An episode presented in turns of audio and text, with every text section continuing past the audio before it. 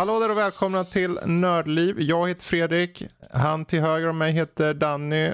Han också till höger om mig heter Jesper. Och eh, de som inte är med mig, ja de får inte vara med. Nej. Punkt Nej. slut. De blev inte inbjudna. De Nej. blev inte inbjudna.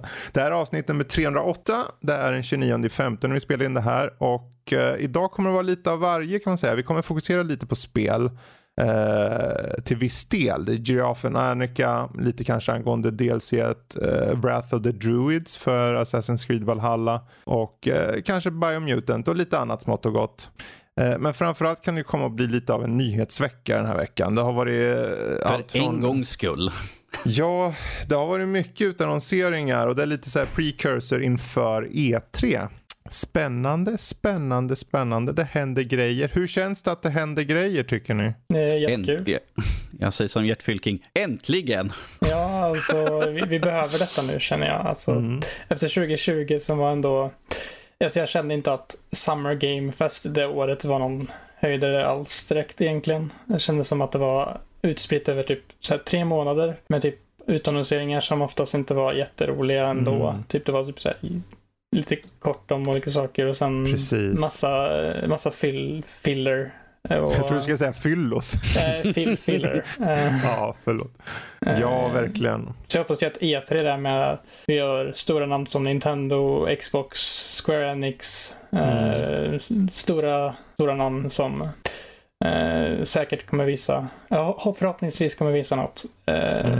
riktigt- eh, Ja, saftigt. Och, Precis, och speciellt nu när vi får såna här förmässor här nu från utvalda utvecklare och publishers Mm. så tycker jag liksom att om vi redan slänger ut massa stora saker här nu. Ja, vad- för vad- event kanske jag skulle snarare Precis, säga. precis före event. Vad kommer vi då kunna förvänta oss på själva E3-mässan i så fall? Ja. Ja. Det är ju Mhm. det som är frågan. Jag menar, vi det hade ju det. vi hade ju Horizon Ja. och eh, jag tänker ifall de redan har slängt ut massa där. Visst, tyvärr inget datum. Eh, Vi kommer till det. vi kommer till det. Men, Men, eh, att ifall de har det, vad kommer då på, Sony, på Sonys Det E3-mässa? är just det här som jag, för mig personligen, och det vet ju och du vet ju vad jag kommer säga nu, men att Mhm. jag vill att de ska säga datumen nu i förväg. För det kommer lägga fokuset på att de behöver presentera saker och ting på E3. För som det är nu, folk är, folk är svultna efter att få de här feta spelen. Yes. Ni, ni där ute, ni vet ju, ni vill sitta där på stolkanten och bara, vad är det de ska visa upp på Nintendo? Vad är det de ska visa upp på Xbox? Vad är det Ubisoft, eller vilka nu är? Eller Square Enix kanske? Och sen så bara drar de till med något, kanske något nytt IP. Det kanske inte är något jättestort, men det är nytt. Och sen Sony kommer in med en State of Play. Om Sony nu hade visat ett datum på Horizon, det hade gjort mig så glad. Inte för att jag kanske, jag tycker det, det här kommer bli ett bra spel, punkt slut. Det tror jag. Eh, men hade det också fått ett datum så skulle vi kunna eliminera inför State of Play, vilket innebär att de hade behövt visa upp något annat. Någonting mer har de. Men vi, ska, vi kan ranta loss här strax. Eh, för Tror vi ska det, gå kommer nämligen... bli, det kommer bli. Ja, vi, vi gör så här, eller ranta är fel. B- Glädjerus. Vi kommer prata passionerat om vad vi, Vi vill och vad vi inte vill. Glädjerusens tid är här. Och det kallas nyheter och vi går direkt dit. Först har vi Metal Gear-snack här. För det är nämligen så att Konami ska outsourca sina varumärken har det kommit fram. Mm. Eh, kanske du vet mer om det här, Danny? Eh, ja, för er som inte vet, Konami har ju liksom en, ett stort roster av IPn som de inte har förvaltat så vidare de senaste åren. Det har ju varit, vi hade ju PT som skulle varit Silent Hills som gick åt skogen där och sen har ju Silent Hill IPn bara legat i dvala. Det har gått massvis med rykten att Sony hade köpt, liksom så att de, köpte så att de kunde liksom göra någonting som kom rykten om andra. Det har ju gått väldigt mycket. Men i dagsläget, eftersom Konami inte gör någonting själv och de, även fast de gick ut och sa att "Ja, men vi ska göra lite mer. De spelen de har släppt på sista tiden har varit liksom bärsa. Det har varit minimal effort att göra spel och därför har de fått så dåliga betyg. Men att, att de nu outsourcar till andra företag eller tillverkare så kommer vi kanske få spel som är värda att lägga vår tid och pengar på, vilket jag tycker är kul. Och de som nämns liksom är ju Metal Gear, Castlevania och Silent Hill. Jag skulle säga Metal Gear och Silent Hill är väl Mm. de två större där, speciellt Silent Hill. Nej, det är väl Jag Metal Gear som är För, för, min, okej, för min Ja. egna del skulle jag säga Silent Hill. Ja, och Okej. den är ju ändå nischad egentligen. Yes, men jag tycker om mina Men. Metal, ja, ja, man kan gilla, men rent storleksmässigt så är ju Metal Gear den, särskilt med Phantom Pain, så är det ju en, det är ju en blockbuster-serie. Mm. Eh, Castlevania vet jag inte riktigt vad det betraktas som numera, eller kontra för den delen. Contra var ju en tr- tragiskt det spelet de släppte sist. Så, ja. Ja. Ehm. men essensen, alltså grundspelen. Precis. Liksom. Det, Ehm. om vi säger så här, potenti potentialen för Konami- liksom spelen är ju enorm ifall det är rätt Ja. aktör som tar upp Det är dem. ju. viktigt att poängtera att Konami bekräftar att det inte gäller specifikt Metal Gear. Men efter att de la ut då det här, eh, vad heter det, Getsumaden Undying Moon, uppföljaren till något gammalt spel, så säger de att, det kan, att något kommer hända igen. Mm. Något. Och det är just inom situationstecken. In terms of other collaborations, please wait for future project, projects like this. Mm. Så någonting Eh, kollaborationerna är det bästa för, eh, som vi kan få ut här. Konami kommer bibehålla IP men att det outsourcas exempelvis Sony eller Square, ja vem som helst egentligen är öppen. Embracer Group, THQ Nordic, Deep Silver, whatever. Allt vore en förbättring än att det står och faller hos Konami. Ja, om vi, bara Mm. ser, om vi bara tar Metal Gear som Metal Gear Survive som vi recenserade som potentialen fanns men att utförandet var liksom Mm. inte att önska. Så att det, det finns ju någonting man kan göra utifrån serien men att ifall vi får nu som sagt andra aktörer så kan det bli intressant att faktiskt ta, tillba- ta upp spelserien igen. Precis. Det är lite intressant Precis. dock, eh, för att eh, Metal Gear är ju Kojimas eh, baby, eller man ska säga. Och Mm. Kojima har ju nu sin egen studio, där Kojima Mm. Productions. Och, Precis. och frågan är om de lämnar över det till honom igen, eller om de tar en helt ny. Jag är skeptisk Mm. därför att han har ju redan gått ut och sagt att de arbetar på ett till spel. Så jag känner att han kommer ju lägga all fokus på sin egna baby än att gå tillbaka kanske just nu. Det, det, och jag skulle vilja säga att chansen att Konami lägger över är noll. Men chansen att Konami outsourcar till en eh, tredje part som i sin tur skulle eh, rent teoretiskt lägga ut på någon. Ja, det skulle vara större chans. Men med tanke på situationen som Danny precis sa så är den nog ganska låg. Eh, däremot man kunde ge direkt actions liksom på något sätt. Eller alltså ge någon form av grundpremiss eller någonting som någon kan arbeta vidare på. Och det är en genuint bra studio. Jag menar tänk, bara lek med tanken, det här är bara teoretiskt. Men tänk Santa Monica Studios eller någonting kommer över Metal Gear. Har vi en genuint bra studio så kan de lösa det utan Kojima. Det tror jag definitivt. Mm. Naughty Dog gör ett eh, Metal Gear, tror jag hade varit ganska intressant faktiskt. Det skulle vara väldigt eh, annorlunda dem på något sätt. Men å andra sidan det kanske stämmer in bra med tanke på Last of Us och så. Men Ja, eh, jag vet inte om mm. det skulle vara så liksom. jag vet inte, för mig är det mest jag tänker på Uncharted och glättighet. Jag nej, men Last, of Us är ju... Alltså, Naughty Dog har gått från Crash Bandicoot till, eh, Mm. till eh, Last of Us. Det är ju verkligen stora kontraster. Alltså, det är ju... Mm. Så jag de... Oavsett, vad som än händer det är i framtiden och Konami får se om det kommer några licenser till någon annan. Eh, med det sagt hoppar vi över till ytterligare en stor aktör på marknaden. De heter Valve och allting pekar på att Valve faktiskt arbetar på en bärbar PC-konsol. De, det är inte första gången de har petat på inom situationstecken konsoler med eh, den här Steambox eller Steamboxarna. Mm. Det fanns ju olika utföranden. Eh, Men nu bekräftar i alla fall Ars, Ars Technica, den här sajten då, att eh, Valve, alltså från flera håll då, att de faktiskt håller på och bygger en slags Nintendo Switch liknande portabel PC som ska kunna köra eh, ett stort antal PC-spel. Och att den här sägs ha bekräftat att enheten varit under utveckling ganska länge, kör Linux och har gamepad-kontroller samt touchscreen. Ja, Mm. vad ska man säga egentligen?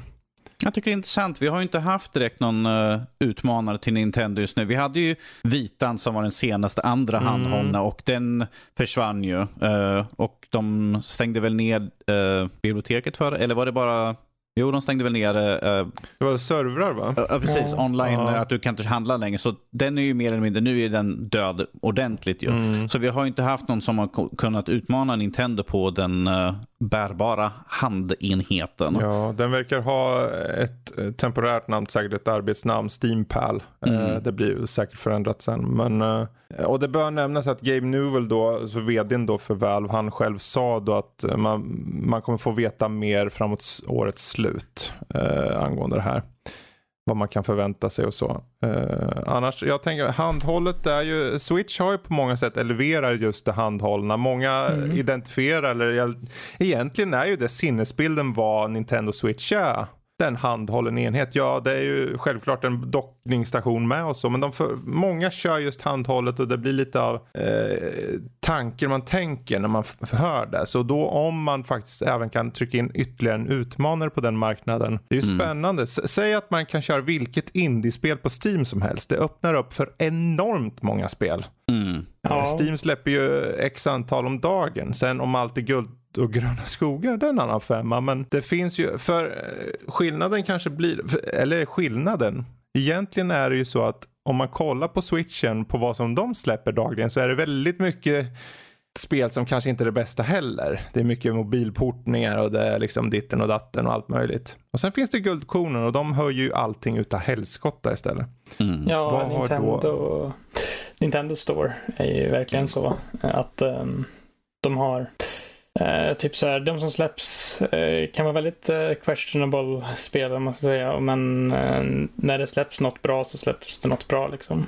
Mm. Eh, och Steam har väl verkligen sjukt stort bibliotek liksom. De har ett Precis. sjukt stort bibliotek, men då, då är ju frågan liksom, vad pratar vi om för prestanda på den här bärbara enheten egentligen? Mm. Vilken, hur, vilken magnitud av spel kan vi förvänta oss? Vi kan, kommer vi kunna se AAA? Det är en bärbar. Jag menar, Nintendo är ju begränsad för sin hårdvara. Och nu med i så fall en PC bärbar, vad kan vi då räkna med egentligen? För vi kan inte klämma in hur mycket som helst i en, i en liten handhållen. Alltså rent ju. teoretiskt kan du ju det. Problemet är bara kostnaden ser jag Mm. det som. Eh, Du kan ju idag, så det finns ju bärbara datorer med 3080-kort. Mm. eh, Som är slimmade rakt av till och med. Men de kostar Eh, en del De också. så. kostar ju. Mm, Och då är frågan om det nu är en specialutvecklad handhållen enhet. Vad, vad är då en rimlig nivå att hålla den på rent hårdvarumässigt? Men är det så att de faktiskt håller den till, säg att de håller till förra generationens grafikkort så är det fortfarande egentligen på många sätt vis on par med nuvarande generation. Vilket egentligen lämnar väldigt mycket öppet för att de ska kunna, för jag menar de behöver inte köra full de behöver inte köra 4K på, på den lilla skärmen liksom. För om den här kommer vara e- enbart fokuserad på handhållet, då är det ju lugnt. Kan de köra typ högst 1080p, eller det behövs inte ens, 720 behöver ju bara räcka på en handhållen. Mm. Och där sparar ju enormt mycket liksom prestanda. Så om du då har, säg ett, säg att du har ett 2070 motsvarande 2070, alltså förra generationens medium high tier kort. Då kan du mer eller mindre köra, ja du kan köra där control handhållet kanske på 720 utan problem i 60 fps. Mm. Och hur många kan köra kontroll? För vad det öppnar upp är ju att Valve har ju Steam och Steam har alla tredjepartsspel. Du har Square-spel, du har THQ, du har till och med Xbox-spel. Mhm. Sitt och kör handhållen Halo då. Jag, jag är också väldigt nyfiken på, med tanke på hur de kommer ha spelen i, med, i en handhållen liksom för styrning och allt sånt där. Visst, du kan ju sitta och köra spelen i en handkontroll såklart. Den, kom, Men- den har ju en ny, den har vad det står här, någon form av gamepad. Mm. Alltså den kommer väl antagligen vara ungefär som, jag menar de vet ju hur switchen ser ut. Det är ju inte som att de inte vet det. Nej. Så, eh, och vi vet ju rent allmänt hur det ser ut, en handhållen liksom enhet. Kommer ha, den kommer ha vara ungefär som switchen då. Mm. Eh, på gott och ont. Eh, oavsett, det här är egentligen allt vi vet. och vi kan Precis. sitta och spekulera hur mycket vi vill. Men vi kommer veta mer vid årets slut. Och det är mycket som ska hända innan årets slut. Så är det ju. Eh, vilket för oss vidare då till eh, kanske, vi kan ta lite film här. Faktiskt, för i, eh, det kommer komma i oktober en film, den heter Last Night in Soho. Mm. Eh, regisserad Edgar Wright, han som har gjort Shaun of the Dead bland annat och Baby Driver och så vidare. Den här filmen ser ut, för trailern som släpptes vart jag väldigt positivt överraskad över. Han håller sig oftast i en väldigt specifik, tydlig cinematisk stil. Det är snabba klipp, det är oftast väldigt snärtigt foto, det är coola snubbar och det är liksom så här, liksom eh, många, många skämt och grejer. Det här var ganska långt ifrån mycket av det här kände jag. Det här var lite mer lingering shots. Det var liksom panor mycket panorering där, liksom kamera som följde med. Uh, för det kändes som det var lite mer intimt liksom på vissa uh, klipp som man såg där. Liksom, för att det känns som det är ett psykologisk thriller med tidshopp-eskt. Mm vi, vi är fortfarande inte säkra exakt på vad det mm. tusan det är. Sådär, för att vi ser en ung kvinna, hon verkar gå och lägga sig och drömma och så tillbaka på 50, eller 60-talet 60 där helt plötsligt som en annan karaktär. För hon tittar i en spegel så ser hon att hon är en annan kvinna, en blond ja, kvinna. Precis. Det, alltså, ja, just att han vågar göra någonting nytt. Huruvida det är bra, det, ja, det återstår ju att se. Det kan mm. vara en så kallad bajsmacka. Det kan också vara fantastisk underhållning. Um, men jag är intrigued. Uh, jag skulle rekommendera att ni, om ni är som ni som lyssnar är lite nyfikna på film i allmänhet sådär, så ta och kolla in trailern på Last Night in Soho. Uh, skriv gärna på Instagram eller Twitter vad ni kände för filmen. Um, I valfritt litet inlägg. Faktiskt. Uh, och jag kan ju säga det för övrigt, när ni, ni alla som lyssnar just nu, ni känner ju med all säkerhet någon kompis ta, ta och rekommendera Nördliv för, för era vänner. Få, få in era vänner och lyssna lite mer på oss. Så att vi får lite mer feedback på just vad ni tycker. Vi vill höra vad ni tycker där ute. Eh, och är det mot förmodan så att ni kanske vill prata av er, men hoppa in på sajten, tryck på den här connect-knappen direkt på Discord. Hoppa rakt in i snacket bara. Var med. Eh, förlåt, vart en liten passover där. Men för att hoppa vidare okay. till nyheter. Återigen så hoppar vi till, tillbaka till Playstation. Vi var inne på dem lite kort förut. Uh, men Playstation utannonserade precis att uh, Uncharted 4 får en PC-port. Nu är det mm. officiellt. Vi, har ju vet, vi har ju hört ryktena länge. Mm. Och nu bekräftar de själva. Det var till och med CEO Jim Ryan som uh, avslöjat ja, Uncharted 4 får en PC-version. Vad tankar på det? Ja, det är väl dags nu sådär. Ja. Eh, jag, menar, jag menar, det är ju inget ovanligt att vi kommer få se fler PC-spel eftersom Sony och Epic Game har ju, ingår i ett samarbete där. Så att det kommer ju komma spel där, men att det kommer komma på andra också. Så att det är väl dags. Och jag menar, Uncharted är ju liksom en av Sony-stapels större spel. Det är liksom en av de spelen som man förväntar sig ska komma. Liksom Uncharted. Det är ett, ifrån sig liksom Sony, liksom så här, ja men Uncharted, du har väl kört Uncharted, hallå? Ja. Så det är väl bara kul. Uh, jag, jag, blir nyfiken på vad de kan klämma ut liksom i PC-porten. Uh, mm. Se ja. i, vad det blir för skillnad mot uh, konsolversionen Precis. där. I vad, känner, vad känner du då Jesper? Jo, jag känner väl också att det är väl ganska självklart att det borde komma till PC ändå eftersom att det är ett stort spel och eh, det känns som att det, det är så pass gammalt nu, exklusivitet, att ni kanske, det liksom, den, börjar gå ut, den borde gå ut nu snart. Mm. Eh, sen att de inte släpper 1 till 3 kanske är lite märkligt, men det kan ju bero på portningsproblem och sånt och så. Och man jag, jag, men, jag menar, de flesta, ja. flesta är ju PS3, eh, eller PS3 är ju en del, och det har ju alltid varit problem när de ska porta de delen. Ja, precis. PS4 får man ju inte glömma bort är ju mer eller mindre en liten dator. Alltså mm. på, på, på riktigt liksom delar AMD och liknande. Så till skillnad från trean som varit med här, ärligt talat. Men ja, min spontana tanke var typ I felt a great disturbance in the forest as a million of voices suddenly cried out in terror and were suddenly silenced. Alla stackars, eh, förlåt där ute, men alla Playstation fanboys som bara, vi vill inte att det ska gå till PC. Det har gått fem år nu. Det är lugnt. Det är ingen som dör av det här. Det kommer inte försvinna och de kommer fortsätta att göra exklusivt för Playstation när, eventuell, när framtida Uncharted kommer. För det kommer komma mer. Men att fler får spela det här är win-win. De, de kan eh, sätta eh, tårna i vattnet på PC-marknaden. Nu har de redan gjort det. De har ju redan varit där med både Days Gone nu och eh, Horizon Zero Dawn.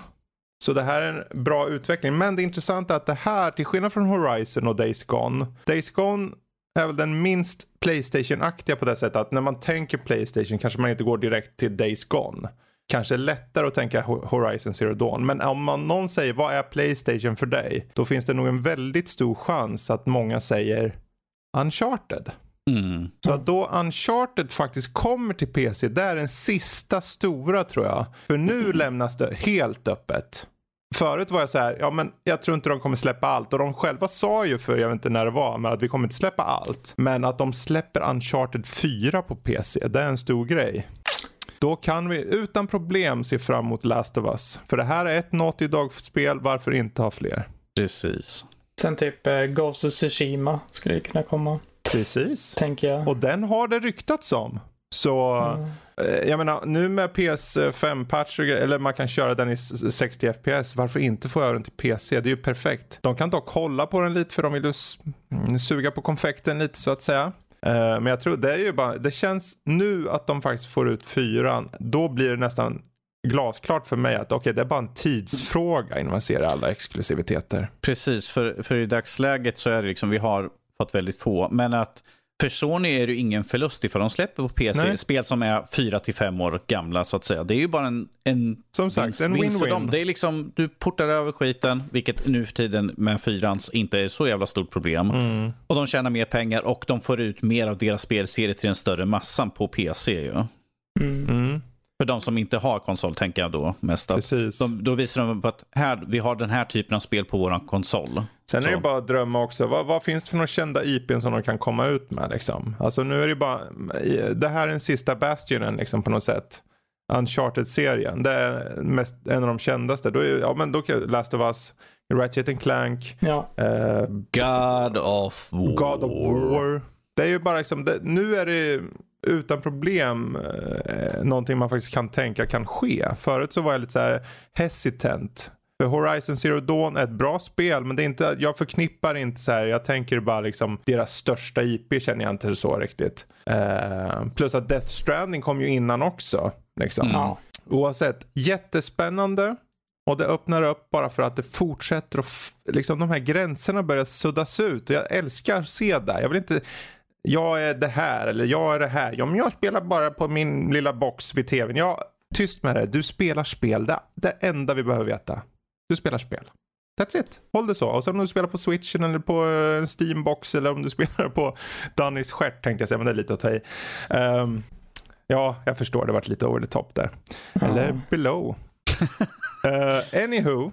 Vi hoppar vidare till Timesplitters lite snabbt här. För det är nämligen så en liten kul eh, sidonyhet att Timesplitters som är ett lite äldre spel, eh, ett gammalt första personspel eh, kommer tillbaka. Och inte bara kommer tillbaka utan själva studion återuppväcks. Konst- hela studion tas tillbaka av Deep Silver.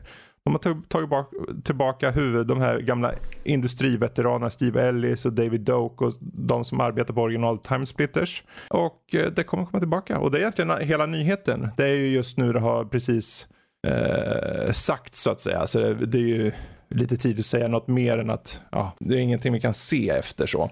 Eh, det kommer ta många år. Men Mm. eh, liten kul tillbit där. Precis, för det, är ju, det, precis, det, det intressantaste är egentligen att vi, vi, vi återuppskapar hela studion med de gamla Mm. anställda också. Det händer inte ofta. Vi ser studior som försvinner, eh, veteraner som har arbetat många år sprids ut bland resten av alla studios, men att de plockar ihop och liksom plockar tillbaka det gamla gänget, det är ytterst sällsynt i den här industrin. Det intressanta här, jag börjar fundera på, okej men om Deep Silver vågar göra det här och Deep Silver, om jag inte är helt ute och cyklar så jag för mig att vara en del av eh, en Bracer Group. Eh, om det, blir, om det blir någonting som görs på rutin, om det gör, alltså görs fler gånger, finns det fler studios vi kan återuppväcka? Eh, Looking Glass Studios, gamla Thief Studios, liksom vad som helst. Det finns ju hur många eh, debankade döda studios som helst som bara väntar där. Till och med P- den gode Peter Molyneux skulle ju sitta där. Åh, jag vill gärna lova guld och gröna skogar bara för att jag får göra min gamla Black and White Studio eller varför inte Bullfrog rakt av. Nu är det dock EA som äger dem så det är ganska kört. Men uh, anywho. Man får hoppas, man hoppas lite på framtiden. Man blir lite glad i själen när man hör att någonting kommer tillbaka ändå. När dog den? Om man säger så, vet man det? Liksom, Vad sa du nu? när den dog. Ehm, alltså när studion dog. Ja, så den dog väl med det sista Timesplitters, uh, antar jag. Free Radical Design. Vet du Danny eller? Eh, Jag har för mig att det var typ något 2014 eller något sånt där. Mm. Ja, det var inte så länge. Det var inte så länge sedan då. Jag, jag är lite osäker. Eh, Nej. Eh, o- 18 december 2008. De kom dit, dörrarna var låsta.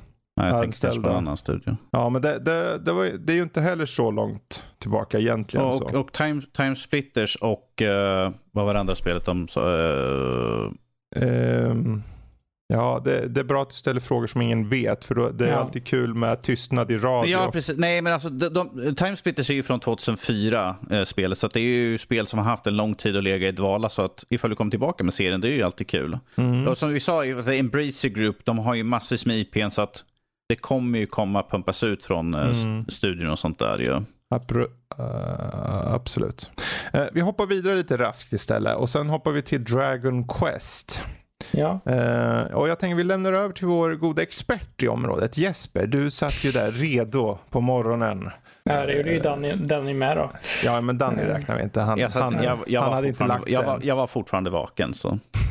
Ja, um, Dragon Vad stod Quest. ut? Du behöver inte dra allt, men de som står ut, finns det några godbitar? Det var väl egentligen... ehm, jag kan väl ta den lite kort om den kommer till väst. Det var en eh, Dragon Quest 10, är ju ett MMO från eh, Japan som bara släpps där. Nu ska de göra en offline-version i chibi-stil eh, på det. Det är också ett sätt att göra en remake, förstås. Ja, som de annonserade. De annonserade inte om det kommer till väst, men de annonserade inte explicit att det inte gör det som de gjorde med Mm.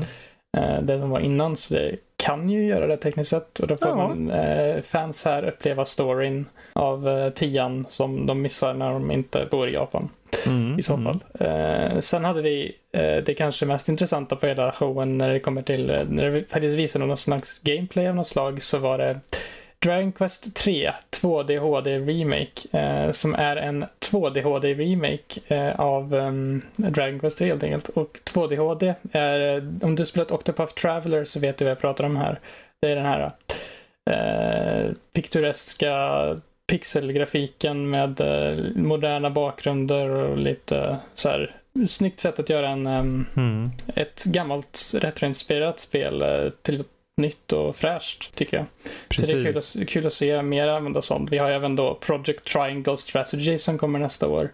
Eh, antagligen inte det namnet som det kommer ha, men som också är i den stilen. Så det, det börjar bli po- ehm, populärt nu. Eh, Mm. Och eh, när det kommer till den så hade de en liten diskussion efteråt där de sa liksom, eh, när de pratade med varandra så hintade nästan på att de två första spelen också kommer komma i en 2D HD remake. Ja, just det. De, Ah. de hade någon som stod med en vissla vis- utanför skärmen. Alltså Ja. utanför, liksom. Så fort han sa någonting som kunde vara eventuellt spoil så var det någon som blåste en viss, visselpipa. Liksom. Han bara ja, ja, ja. ja. Och, han, värden, han bara så du, du säger alltså att det kan komma en remake på ettan och två och visslar det till på direkten.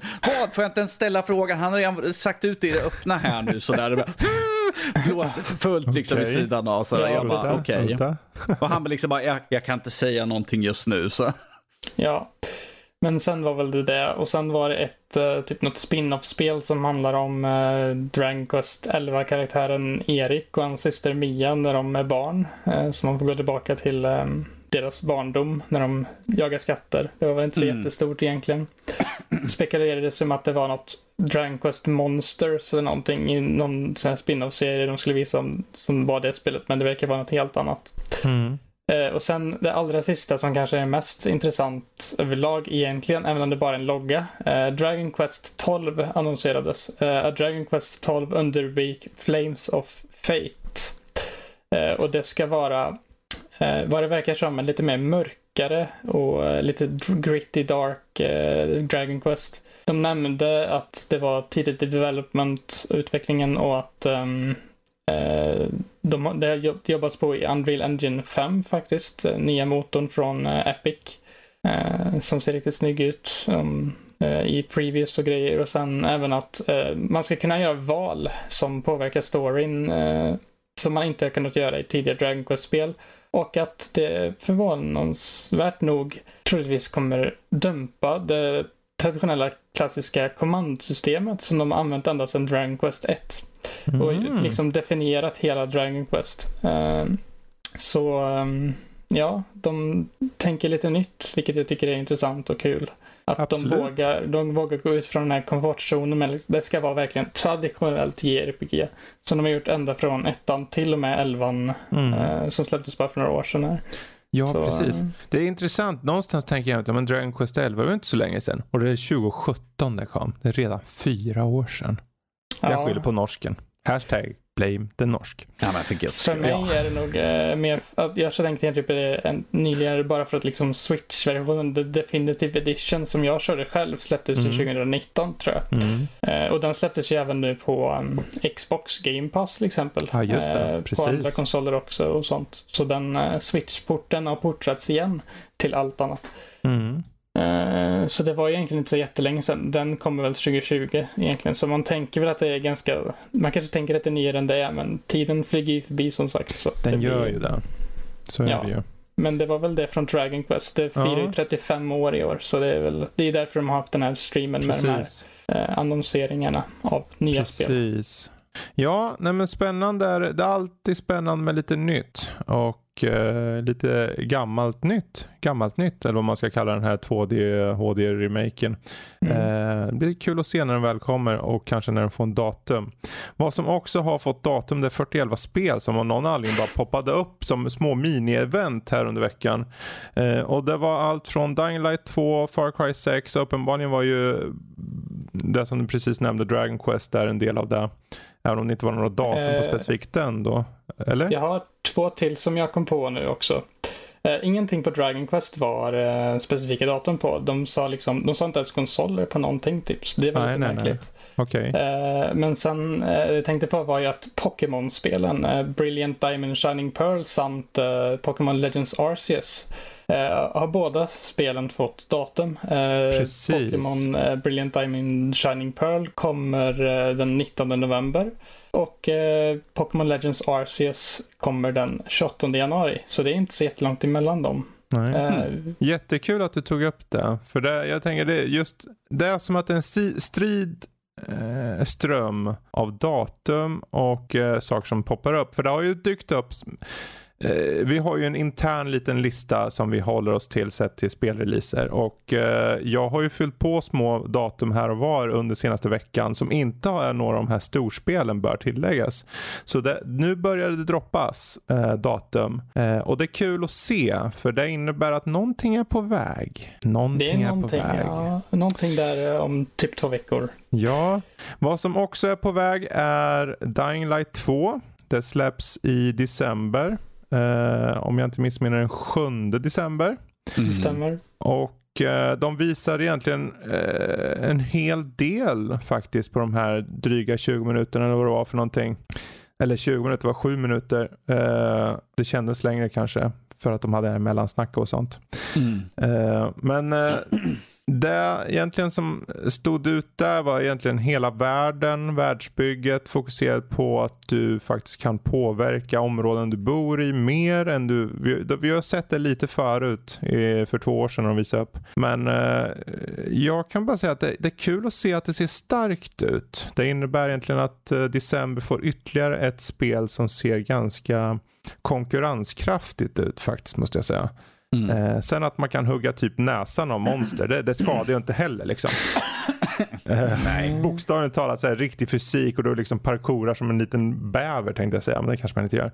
Det var ju Men- någonting de la, en parkour där, var ju Mm. någonting de verkligen la ett fokus på att dubbla antalet moves, eller vad man ska Mm. säga. Precis. Fick, eh, så, Precis. Så där har ni det. Ser ni fram emot Dying Light då har ni december så ni vet vad ni ska göra i jul. Eh, vad som man också kan göra lite tidigare än så, säg framåt oktober där, det är Far Cry 6 som också har fått ett datum den 7 de- oktober istället. Så inte Mhm. 7 december utan 7 oktober. Och eh, här så visar de upp faktiskt idag när vi spelar in nu eh, en gameplay-trailer, eller inte gameplay, men en hel del intressant info från spelet. För att inte tala om datumet. Och det ser ut som att de har gått all in sett i knäpphet. Men framförallt märkligt nog också fokus på berättelser. Eh, och det är frågan om de uppar det som de gjort från tidigare spel. Jag hoppas det. Mm. Eh, Särskilt nu när de har lagt så mycket krut på att få in Giancarlo Esposito som bad guy. Han är ju dragplåster deluxe den mannen. Han är fantastisk i allt han gör.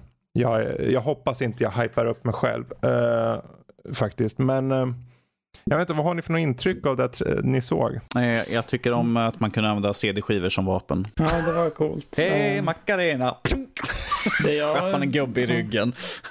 CDR såg jag att det var också. Det var brännbara skivor. Åh gud. Det var så Ja, dåligt. jo.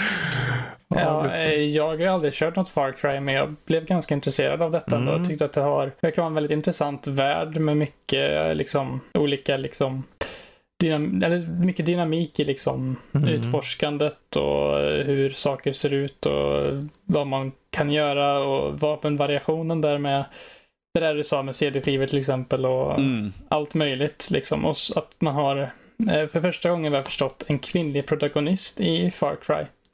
I en Yes. eh, ganska mansdominerad eh, samhälle verkar det som. Mm. Precis. Det Det är ju blir värt att, nämna att, värt att nämna att de verkar använda samma system som för Assassin's Creed Valhalla. Att du har valet att välja man och kvinna, men att det verkar som, enligt det här så såg det ut som att den kvinnliga var liksom canon. För att det var hon som Ah. användes hela tiden.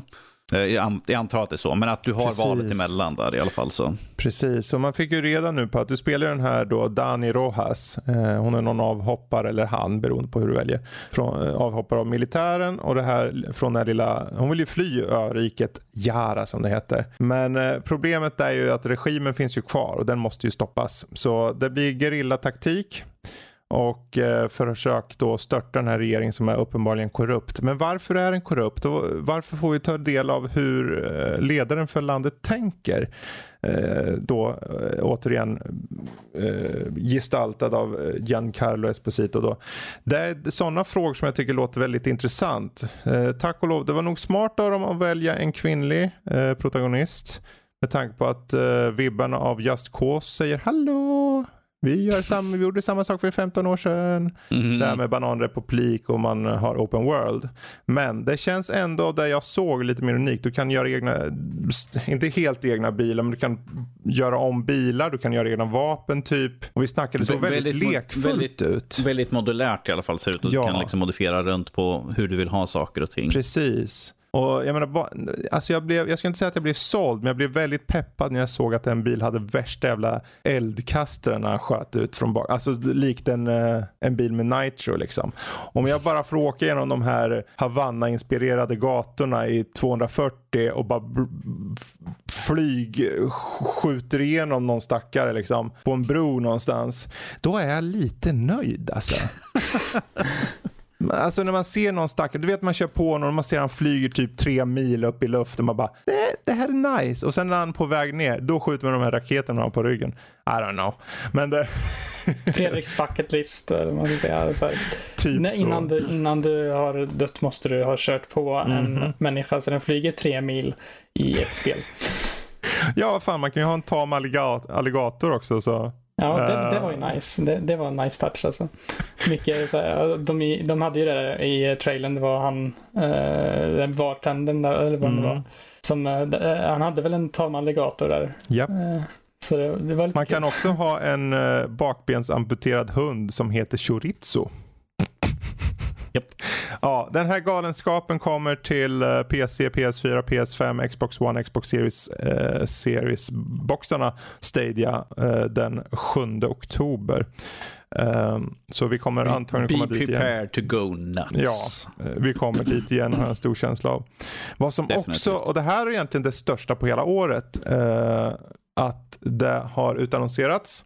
Och det är Fast and Furious, Spy Racers Rise of Shifter. Äntligen! Något nytt Fast and. Furious-spel för Danny att spela. Han är så taggad.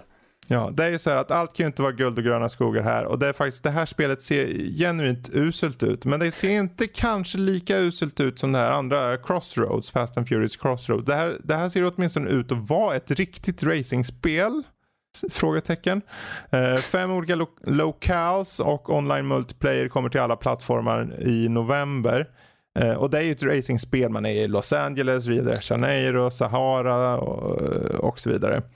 Um, Åh nej, nu, jag tror Danny hängde sig. Jag ser det här. Ja, jag, jag såg det. Vi har aj, tyvärr eh, tappat en Alltså, podcastmedlem. det finns nog inget värre spel jag recenserar än det jävla Fast and Furious Crossroad. Det, det kommer komma, jag har redan använt det i referens som ett annat. Det här är på ett annat spel som också är riktigt dåligt. Jag bara, det här är ett riktigt uselt spel. Men det är inte lika uselt som Fast and Furious Crossroad. Okej, men för just det här spelet. För, för länge, länge sedan när jag växte upp så fanns det ett spel som hette Spy Hunter.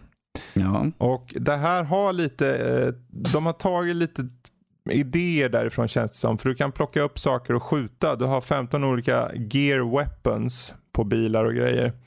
Uh, nu är det här taget från någon tv-serie mig veterligen. Ja, den uh, animerad på Netflix. Så det, det är frågan hur mycket. Men det, spelmekaniken påminner en aning om det. Det skulle vara om man åker i vattnet och plötsligt blir en båt. Då skulle det vara full on Spy Hunter.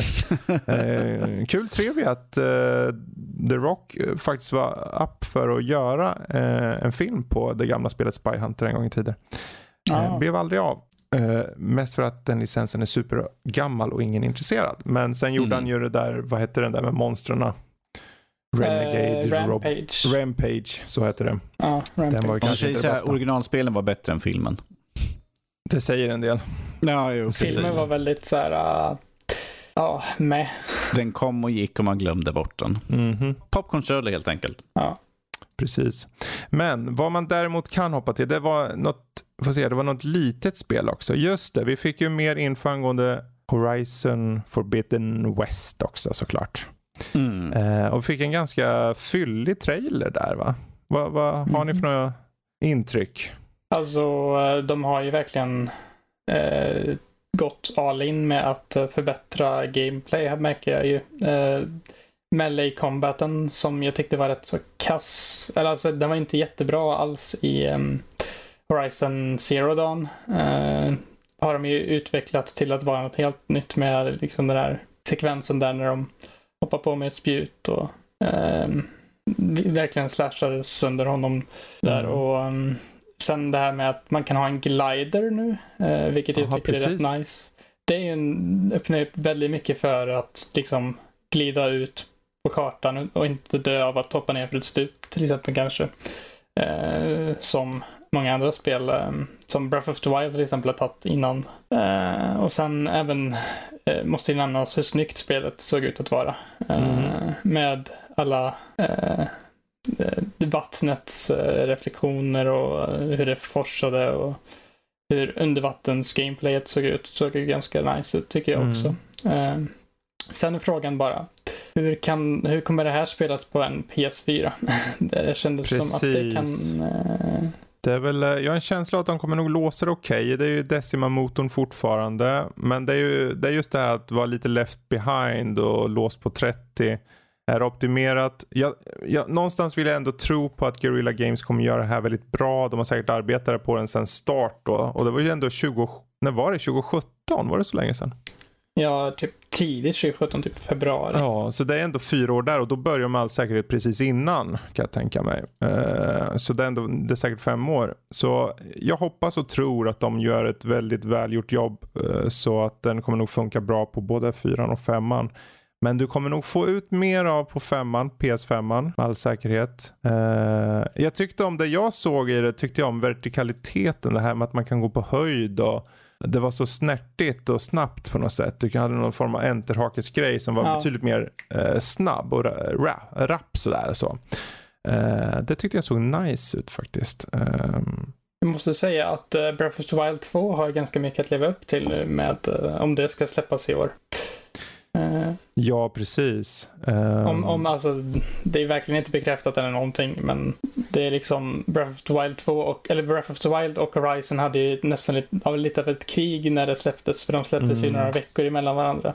Precis. För det verkar ju som att uh, Horizon har tagit många element från just Breath of the Wild mm. och förbättrat sin gameplay på de sätten som Breath of the Wild vann på i uh, originalet. Så är frågan, hur har det innoverat och hur kan det liksom, om det har tagit någonting från Horizon?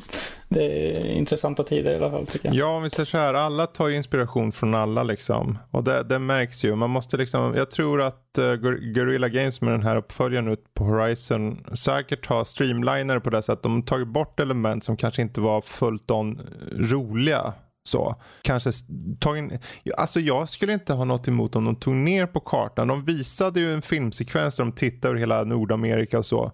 Men bara för att de gör det betyder ju inte att de plötsligt, det är ju som med, eh, ta Assassin's Creed. Där de har liksom, du har ju egentligen, nu kommer vi spoila lite här. Men vi har ju grundplatsen med eh, England. Men sen kan du åka till USA. Men det är ju liksom, det är ju bara en karta det är bara som en level och du adderar levlar då. Så du åker dit och sen åker du dit och sen åker du dit. Men det är liksom, du behöver inte göra så mycket mer än så. Ha tre, fyra olika platser och det känns stort. Även om du kanske inte, du går ju inte hela vägen över Nordamerika i Horizon-uppföljaren nu antar jag. Utan du bara tar dig dit så är du där. Så det kan kännas Ja. större. Eh, och jag, jag, jag hoppas de streamliner storleken lite. Eh, Det verkar ju lite så faktiskt på vissa sätt. Med den delen de visade nu tycker jag att de har kört på lite mera linjär approach. För att den kartbiten som de visade verkar ju inte vara jätteöppen om man säger så. Den verkar ju vara ganska så här korridorsbaserad nästan på vissa sätt. Precis. Eh, jämfört med eh, originalet som knappt hade något sånt. Och det var liksom bara så här öppna fält och liksom Mm.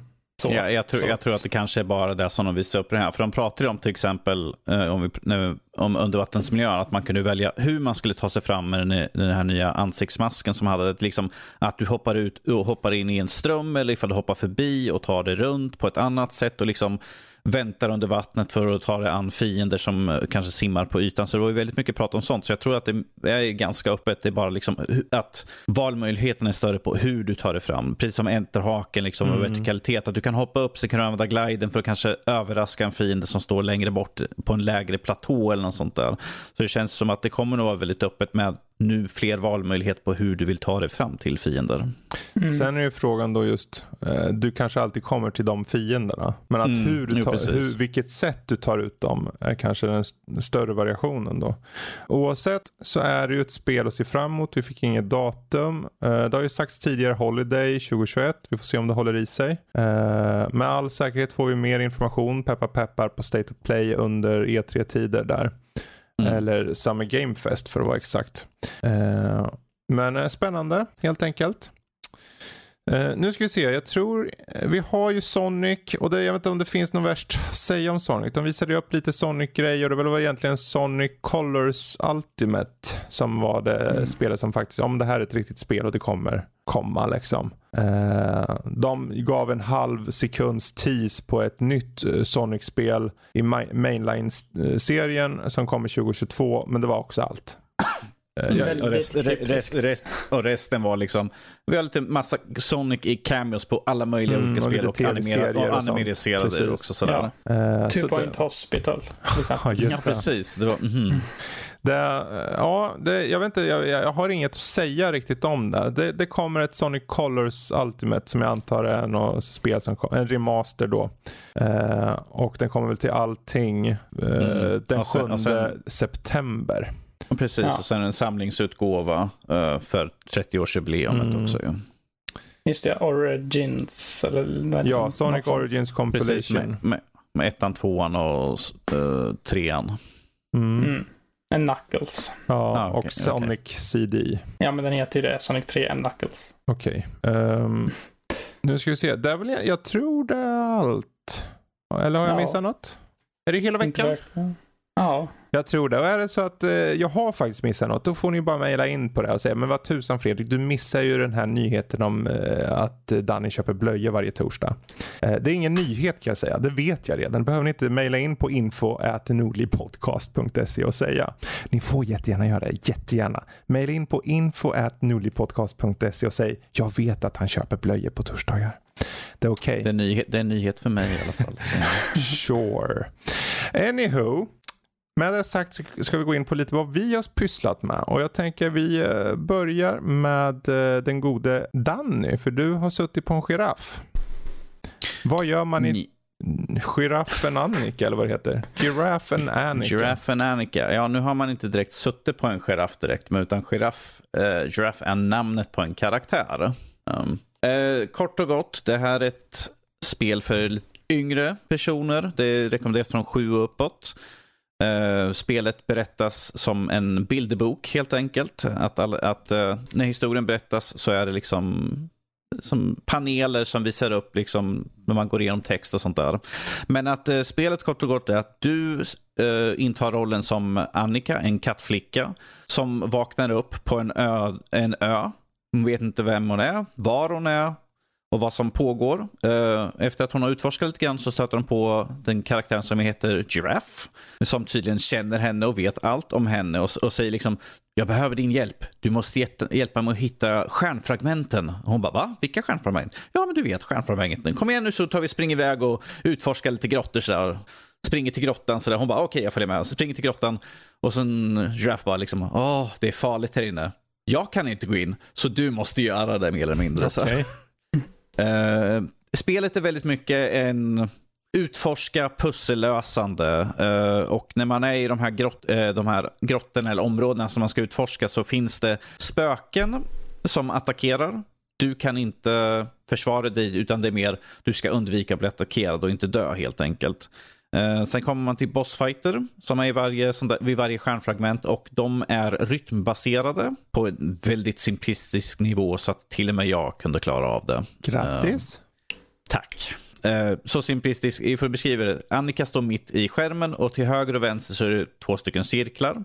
Kontrollschemat är helt enkelt, du trycker höger och vänster beroende på vilken cirkel du måste röra åt och sen trycker du på X för att sätta som ett lock på den för att bossen kastar ut som en boll. Och ifall du mm. blockerar i rätt tid mm. så tar bossen skada. Ifall bollen går igenom cirkeln så tar Annika skada helt enkelt. Så det är väldigt simplistiskt. För simplistiskt. Fast jag missade i alla fall några gånger. Okej. Ja, jo men du vet. Ja, ja. Taskig, taskig koncentration. Ja, men det, så kan det gå. Precis. Väldigt gulligt spel sådär. Jag, jag rekommenderar för yngre spelare så att säga. Men med någon vuxen, för ibland var det lätt att jag funderade vart tusan ska jag någonstans. För det finns ingen karta, det finns oh. ingenting som säger liksom det här håller du på att göra. Att du ska gå och hämta, hitta det här. Utan det är liksom, karaktärer har sagt det, du kan prata med dem igen som säger så har du hittat den här saken?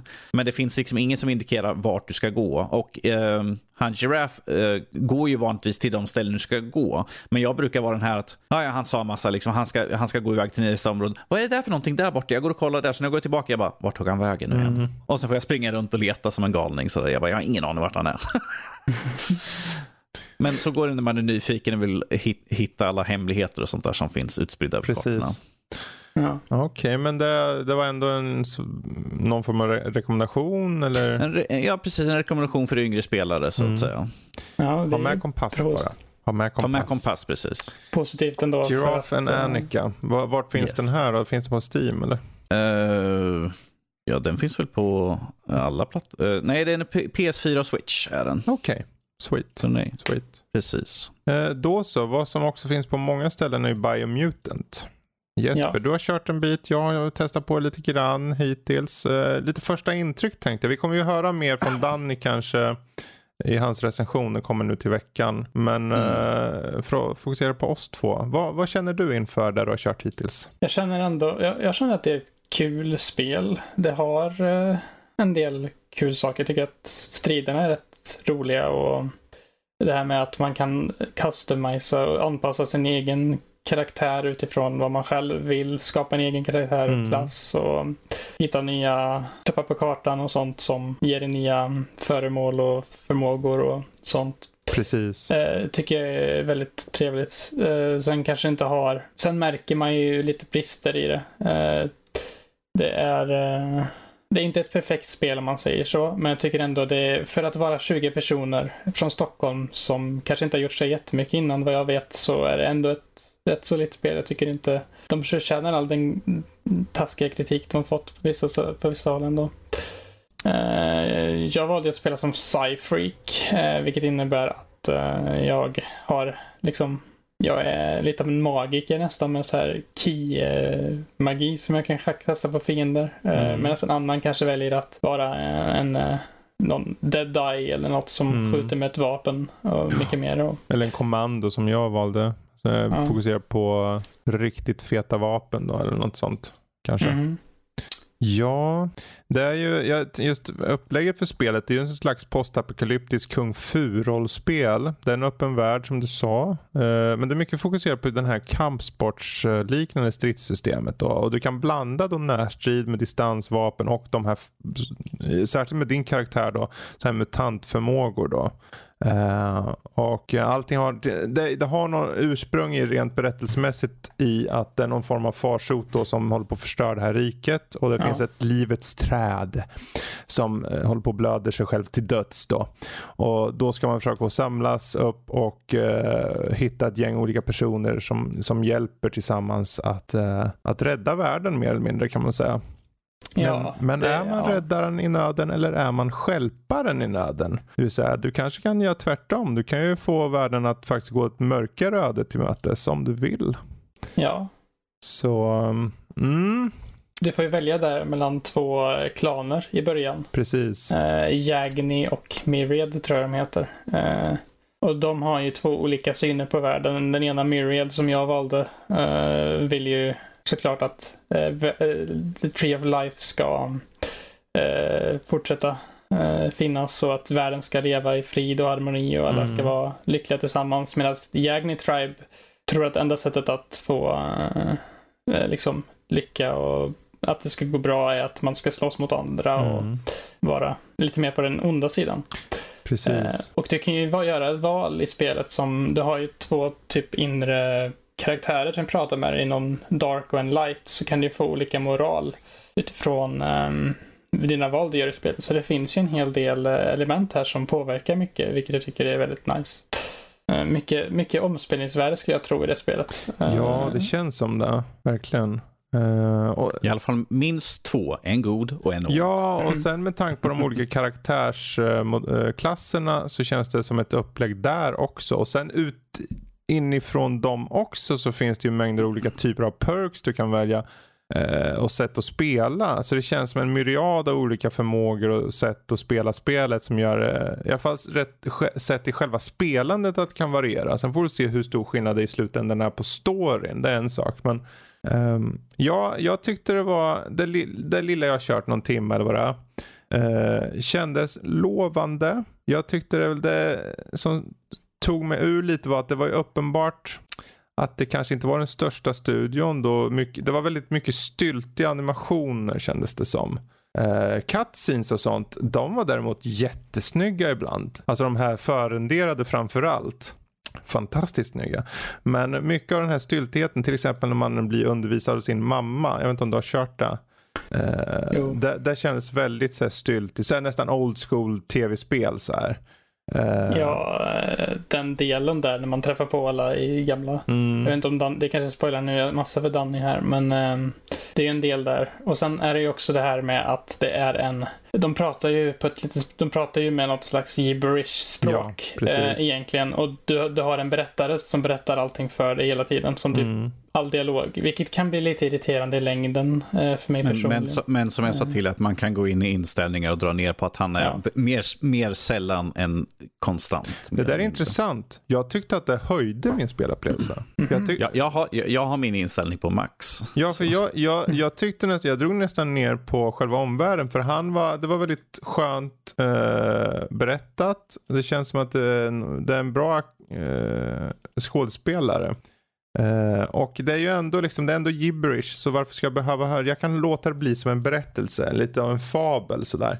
Och det, det, sen finns det ju någon form av djup här, det är någon form av så här tänk kring eh, naturkatastrofer i allmänhet och sånt. Det kommer säkert komma mer om det längre fram, gissar jag mig till. För det är någonting som säger, men vad har hänt med världen egentligen? Varför är den så här? Och vi får lite hinter, men jag tänker inte säga så mycket utan det får, det får ni läsa i recensionen kanske lite mer sen. Um, jag tycker det är lovande. Jag är inte helt övertygad men jag tycker absolut inte det verkar dåligt eller något så. Uh, jag tycker det verkar okej okay, det lilla jag har kört hittills. Jag tyckte ju om att slåss mot någon boss som klättrar upp och ner och förstör massa väggar och jag sköt den och hade med. Uh, och sen hade, körde jag någon mech-suit vid ett tag också. Jag vet inte om du också gjorde det. Ja. Um, så det finns en variation där. Och den största variationen verkar ju än så länge vara just gameplay, skjutandet eller närstriden eller vad du väljer att köra liksom. Så, men vi kanske återkommer till det här längre fram. Ja. Så hoppar vi vidare istället och uh, vi kan väl ta uh, och Ja, vi tar och sätter eh, högsta växeln direkt och hoppar in i Dirt 5 då. För jag har kört lite grann, eller lite grann, jag, klarar, jag har redan klarat av hela skiten. Men jag, kör, jag köpte två stycken så här content patches. och jag klarar dem på en gång typ så. Eh, för att jag min fåne var ute efter achievements. Men det, någonstans så ser man ju då, för när man köpte de här, de kostar kanske en hundring eller någonting. De heter Uproar och de heter Energy content patch eh, eller content pack. Men där man egentligen, det var inte så mycket nytt i dem. Så jag, jag är lite besviken är jag faktiskt. Eh, jag hade hoppats på någon nytt typ av spelsätt eller någonting. Men mest så var det någon form eh, av spelläge som egentligen är samma sak som i de här hemmagjorda banorna man kan göra i spelet. Man kan nämligen bygga banor och så får alla andra slåss genom att köra på dem. Då kan du bygga som en galning bara för att jävlas med folk. Liksom. Ja, men nu tar vägen stopp och du måste köra rakt ner. Du måste ramla ner i ett hål eller vad det må vara för att komma vidare. Um, här var det i alla fall de själva som har lagt in den typen av banor då och då i de här två content patchen och skapa lite nya lägen då. Det var, det var fräscht. Men annars körde jag igenom det på ett par timmar båda faktiskt. Uh, jag kan ju rekommendera dem om ni kommer över dem billigt. Uh, eller om ni faktiskt köper ett Dirt 5 som en helhetspaket där de följer med. Det kan jag rekommendera. För, då, för grundspelet är ganska kort egentligen. Jag tror man kan klara igenom det på 20 timmar eller någonting. 15, 20. Eh, vilket för bilspel, det handlar ju om att åka den långa sträckan ibland. Va? Då är 15 timmar ingenting. eh, men det är mycket bilar, mycket saker att låsa upp eh, och utseenden och allt sånt där. Och det är väl fine dandy, men eh, det var inte så jättemycket. Så ska ni ha de här packen, köp specialutgåvan av spelet eller eh, vänta på rea. På Energy Content Pack eller Uproar. Så, det var det. Nu hoppar vi till den gode norsken igen, för nu blir det ännu mer DLCs här. För du har kört Assassin's Creed Valhalla Wrath of the Druids. Yes. Vad händer i storyn? Uh, vi kan säga lite så här, just in case, spoiler alert. Nej, jag tänkte inte gå in så mycket på spoilet. Det här är liksom bara premissen av spelet. Att uh, Eivor, uh, det kommer ett sändebud till Eivor som säger liksom uh, kungen av Irland vill att du kommer över och hjälper honom. Han bara, kungen i Irland? Jag känner ingen kung i Irland sådär. Uh, han bara liksom, ja men fine, jag kan väl åka över. Det, det kan ju inte skada liksom. Plus att vi kan ju liksom kanske sprida oss. Att vi får någonting mm. med Raven Clan i Irland så att säga. Kommer över. Kungen av uh, Irland, eller han är inte kungen av Irland utan han är kungen av staden. är liksom hans kusin helt enkelt. Uh, som vill att han ska hjälpa honom att verkligen sätta att hans plats som kung i den, i den delen han bor i. Mm. Är, är satt i sten med den kungen av Irland. Uh, att hans linje kan leva vidare och fortsätta vara kung av den sektionen okay. så att säga. Så att det är, det är det som är egentligen Eivors involvering, att han vill hjälpa sin kusin att bibehålla den platsen mm. han har. Men att samtidigt så är det ju också den här att ifall jag hjälper dem kan jag få lite hjälp tillbaka. Det har ju alltid varit så i spelen att jag kliar lite grann på ryggen, du kliar mig på ryggen sådär. Vi hjälps åt. Uh, men att uh, den...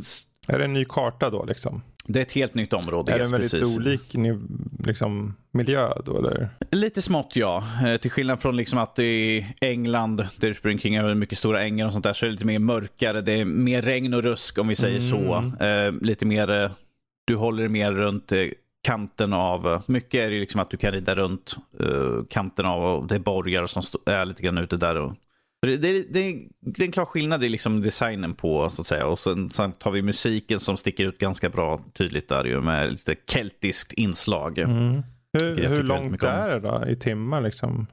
Uh, timmar kan jag inte exakt, men jag tror två eller tre dagar så satt jag och spelade. Då, då då om vi säger så här, när jag säger två, tre dagar, då plockade jag allt som fanns att göra och alla saker man kunde hitta i hela spelet. Men du körde ju inte konstant i två, tre dagar? Jag körde inte konstant, jag körde x antal timmar per dag och då liksom satt jag liksom bara och plockade allt jag kunde göra i områden jag var, liksom, mm, medan mm. man låste upp saker och ting. Men det är ju fortfarande att du har uh, vissa områden, du ska göra några, saker så att du får ta del av nya uppdrag så att säga. Mm. De har ju lagt till nu att tillbaka i det här att du har en fågelbur med budskap och där kan du, där blir till exempel, de här, det är sådana här uppdrag så att du kan tjäna mm. eh, pengar mer eller mindre. Att du kan liksom plocka på dig hur mycket uppdrag som helst men inför varje, liksom, ja men kungen av det här området vill att du hjälper honom med eh, tre uppdrag till exempel. Och det är liksom där du gör och sen kan du liksom bara fortsätta. Men det är liksom bara för att föra storyn vidare. Behöver man ha kört igenom hela grundspelet? Kan man hoppa in i det när man vill eller hur funkar det? Uh, nej, du behöver inte ha kört klart grundspelet överhuvudtaget. För det här är en sidohistoria som rör absolut ingenting med originalhistorien. Jättebra. Mm. det här, har du liksom spelet så kan du liksom Men hoppa in från tillför start. det något på den lore? Det, är- alltså det tillför ingenting på slutet av grundspelet om du vet vad jag tänker på. Ehm, utan att säga Eh, för nej, mycket. nej det, det här är en helt fristående Mm, som okej. inte berör någonting annat. Ja, okej, okej. Och eh, precis som i de senaste Assassin, det är en kult som man ska ta död på x antal personer. Det är den här liksom, du får en ledtråd från den senaste Mm. du dödade som ger en ledtråd till ett ställe där du hittar en till ledtråd så får du liksom, Ah, okej. det här är liksom, Nisse nere på hörnet, är han du ska ta död på. Eh, Det är inte lika Döda många som man... Nisse. Precis, men det, det är inte lika många den här gången som i de föregående. Det är inte så många i kultmedlemmar man ska ta död på. För det är, det, det är en betydligt mindre karta ja, ja. ju, så att det är inte lika stort. Vad är det då? Typ tre stycken liksom? Eller vad? Nej, vad är det? En, fyra, åtta, nio kanske, något sånt där. Ja, helt okej faktiskt. Ja, Mm. runt omkring den, eh, Mm. det antalet. Jag kommer inte ihåg exakt hur många det är, men det, det är runt, det är inte så många, det är en handfull Mm. mer eller mindre. Det kändes ganska smått när jag tänker på hur många som har varit de tidigare spelen. Mm. Det är liksom en myriad av karaktärer. Det är liksom så här, ja, du har grunts, du har liksom underbossar, du har bossar, du har liksom överordnade utav dem och sen är det liksom högsta hönset. Här är liksom, ja, du har fyra stycken här, fyra stycken där och sen har du två, någon mellanboss och sen har du slutbossen Mm. mer eller mindre. Men eh, eh, helt okej storyline. Eh, inte, inte, det längsta så att säga, men det var faktiskt underhållande. För att vänta i, vad är det, ett halvår nu som jag väntar på det här. Så Ja, var det Jag- den här som sköts upp och så eller? Yes. För det skulle ju också Ja. komma den här Siege of Paris. Kommer den snart då eller? Jag har ingen aning. Jag vet Released in ingenting. summer 2021 såg jag här. Jag får se om den kommer Ja. nu i juni, juli någonstans. Är Ja, det? jo, precis. Paris då? ja, Yes. precis. Ja. Eh, second out of two expansion. Så det är den sista då. Yes. Då borde ja, det med säga, jag vill gärna ha lite mer med tanke på hur grundspelet återigen slutar. Jag tänker inte säga någonting om det, men eh, som kanske adderar lite eller förändrar någonting. För jag tyckte inte så mycket om slutet på, på Assassin eh, Valhalla Mm. där. Men ehm, eh, ja, ja, men lite keltiska saker är aldrig fel. Helt enkelt. Nej. Wrath of the Druids finns på alla konsoler egentligen och PC. Eh, det är väl bara eh, Nintendo som den inte finns på antar jag. Mm. Nej, så. jag tror jag nog inte. inte än kanske, vem vet. Kanske Eh, med ja. eh, om ett tag. Kanske. Hinta, hint, hint med ny hårdvara. Mm. Hint, hint, Jag kanske. hoppas. Eh, med det sagt så hoppar vi till Mayhem in Single Valley och den enda frågan jag har, vad är det här? Ja, är det det är ett typ, tänk dig, du vet, isometrisk Zelda. Tänk dig det typ fast eh, med pussel och sånt i en Okej. värld. Eh, det är pixel, fast det är inte riktigt så ändå. För det, det, det är ett pixelgrafiksspel. Eh, Ja, med okej. typ, lite typ så här 2D, 3D. Mm. Rätt snyggt på det sättet. Med um, då pixelgrafik i en tredimensionell miljö i ett isometriskt perspektiv. Mm. Eh, Du spelar som Jack Jonsson, en eh, blivande collegestudent som faktiskt dagen eh, när spelet börjar ska flytta hemifrån första gången och ta sig an sitt nya liv på college. Men saker och ting går inte riktigt som han har tänkt sig och när han kommer ner i samhället så märker han att en mystisk entitet förgiftar floden i staden med ett eh, grönt virus. Eh, och eh, det här viruset påverkar alla djur i närheten och de blir maniska och får gröna ögon och då. börjar jaga dig. Och eh, de jagar dig ända ut i skogen och i skogen möter du på en eh, man vid namn Bob. Eh, och den här... Eh, House Bob. den Bob, jag tänker på gammal- Twin Peaks då ja. Ute i skogen, en man som heter Bob. Eh, Gamla gubben Bob då ehm, säger att han har en present åt dig eh, nere i Nej. källaren. Nej, jag vill inte höra vad gamle gubben Bob har för någon present åt dig Jesper. Snälla, gamle gubben Bob, han får ta sin present och köra upp den någon Mm. annanstans. Förlåt, nu avbröt jag dig. Fortsätt att berätta, vad är det för någon present gamle gubben Bob har åt dig? Ja, men gud. Ja, det är egentligen en slangbella. Men det, Nej, det ner är i- egentligen en slangbell. Eh, Men det blir, det blir lite en annan vändning här. För att eh, när du kommer ner i källaren så hittar du att eh, hans container med någon slags gul sörja har läckt. Nej, det här blir bara värre och värre. Ja. och En den här gula slags sörjan. slangbella. Okej, någon slags kodis där ja. Och sen, Ja. Den här gula sörjan i alla fall eh, verkar, sig, verkar vara en eh, botemedel Okej. mot det här viruset. Eh, och han eh, verkar veta var, eh, var den här receptet för den här finns och det verkar vara på skolan i staden. Mm. Så ditt uppdrag blir då att ta dig till skolan och okay. hitta det här för att ni ska massproducera det här och slänga ut i, i floden mm. och rena staden. Eh, och sen tänker jag inte säga mer om storyn än så. Det, det, det, är ganska välskrivet manus skulle jag säga. Det har en del metahumor senare som jag tycker är rätt snyggt implementerat. Alltså hela det här upplägget tycker jag låter väldigt humoristiskt faktiskt. Det är väldigt... Eh, väldigt jag, jag, jag, eh, jag satt och tänkte så här, ifall, ifall man inte lyckas, är det här början på Biomutant? Ja, precis kanske, kanske. Det är ju grönt. Ja, det är grönt och djuren muterar och börjar attackera. Ja, eh, men om man kommer till gameplay, kan nämna lite mm. snabbt om. Det är ju som sagt, eh, du löser pussel, går igenom staden, eh, löser pussel som låser upp nya föremål som du kan ta dig vidare med. Och du har ett inventory med inventory management. Du kan uppgradera det här inventoriet om du hittar kloner av dig själv i miljön. Eh, och det förklaras senare i storyn varför det finns kloner. Eh, men jag tänkte inte säga varför. Okej, okay, spännande. Eh, men, eh, de här klonerna av dig själv ger dig typ föremål som gör att du kan uppgradera din eh, ryggsäck och din slangbälla att ha mera kapacitet. och sånt. Mm. Så det finns en del uh, collectibles och sånt att hitta i spelet. Jag tycker ändå att det är en, ganska, det är en liten sleeper hit mm. ändå. Det, jag menar, sen har ju gubben Bob en härlig gul sörja också. Och det är också ett plus ja. liksom. Så är det. Ja, eh, Nej, men jag om sitter, du gillar... Förlåt, jag, jag, jag, sitter och tittar på det här nu och jag tycker faktiskt det ser väldigt charmigt ut. Den här slags, eh, det, det, är ungefär som de här, som vi pratade om förut, HD 2D. Det påminner ja. om den här. Du har 3D-djupet och sen har du en 2D-sprite nästan. Som går runt Ja. Det ser, nice ut gör det här. Mm. Uh, det finns till uh, PC nu enbart. Uh, Okej. Okay. Mm. Så det är ett Ja. Men om du gillar spel som till exempel Undertale eller något liknande, sånt som har mycket så här inbyggd fjärde väggen-brytande humor, så eh, tycker jag definitivt att du eh, borde ta en närmare titt. Mm. Och om du är intresserad av att veta mer så eh, kommer en recension på nördliv.se i nästkommande vecka. Eh, som går in lite mer i detalj om eh, spelet mm. och så. Så håll gärna utkik där. Ja, jättebra.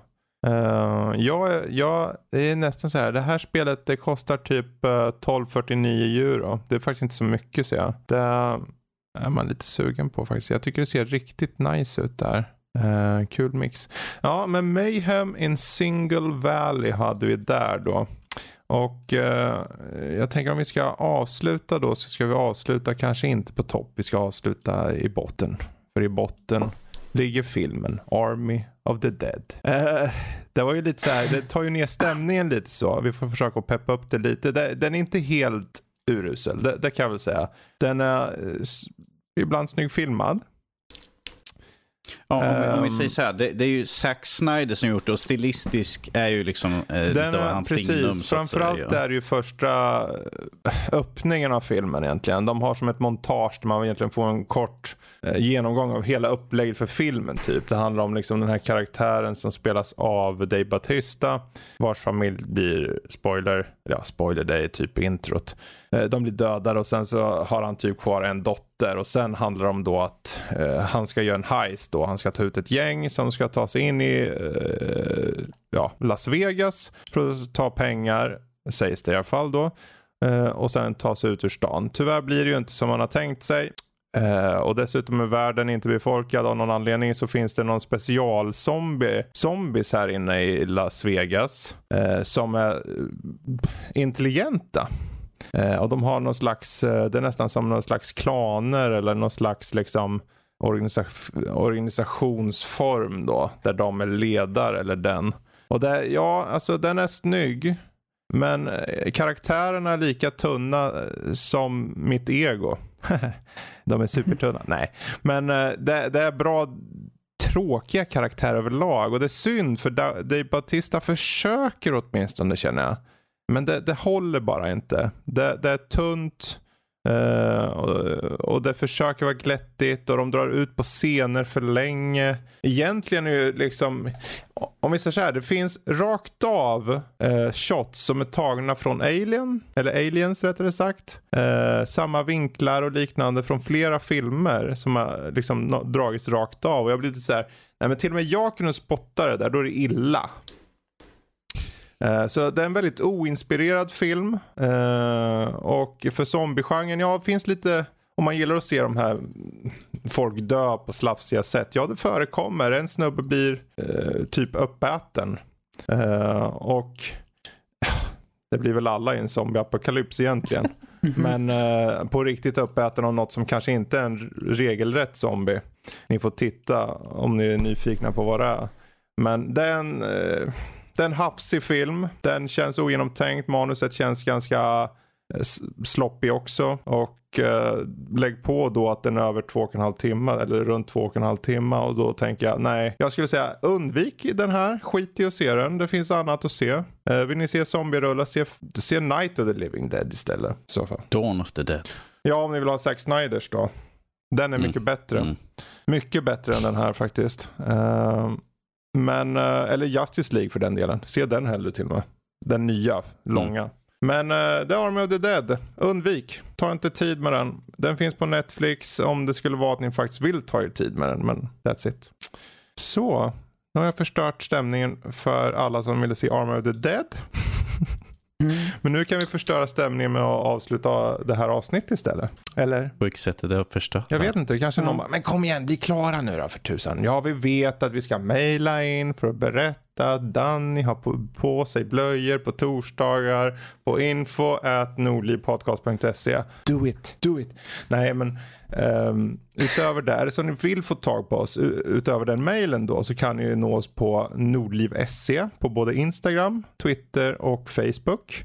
Och uh, självklart på vår sajt nördliv.se alternativt nordlivpodcast.se där det finns allt möjligt. Recensioner, närbilder på Danny, allt sånt där som man cravar liksom. Det är ju så. Ja. Uh, och vi ska också avsluta med någon form av omröstning tänkte jag för Discord. Så jag tänkte hoppa över till Danny som har en uh, förgjort den. Urs ursäkta mig? Det hade han Va? inte. Oh, ja. Nej, då, får vi. då gör vi så här. Det, jag kommer lista upp de uh, släppen eller de releasedatum uh, på spel som har utannonserats.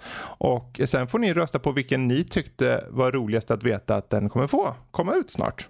Så det kommer att vara Far Cry 6, Dying Light 2, uh, något Sonic-spel. och lite sånt där. Och så får vi se vad ni röstar. Uh, jag kan väl slänga med den där Fast and Furious Spy Racers också. Uh, uh. så det får bli en omröstning på vår Discord. Och är det så att ni inte har tillgång eller är inne på vår Discord, ja, hur gör man då Danny? Du hoppar in på vår hemsida och så finns det direkt till höger så finns det en Discord del och där finns det, finns en knapp som står Connect och du trycker bara på den så poppar du direkt in i våran mm. Discord. Ops. Enklare än så kan det inte Då kan du ju ställa egentligen direkt frågan till Danny om man faktiskt byter blöjorna på torsdagen eller inte. Det, det är bara att köra. Så, med det sagt alla... Jag, hoppas inte det här ska bli en pågående trend. Sådär. Ja, alltså du har ju redan satt din egen trend på att du byter de här blöjorna på torsdagarna. Så jag vet inte. Det är ju hashtag blame ja. norsk. Med det sagt, jag vill tacka mina vänner Danny och Jesper. Jag vill tacka alla er vänner som sitter och lyssnar ute. Ni är fantastiska och de här är fantastiska och vi är fantastiska och säger hej då. Säg hej då allihopa. Jag vill, bara tacka, jag vill bara tacka min vän Jesper. jag, vill tacka dina, jag vill tacka dina blöjor Danny. hej då! Toodaloo. Hej då!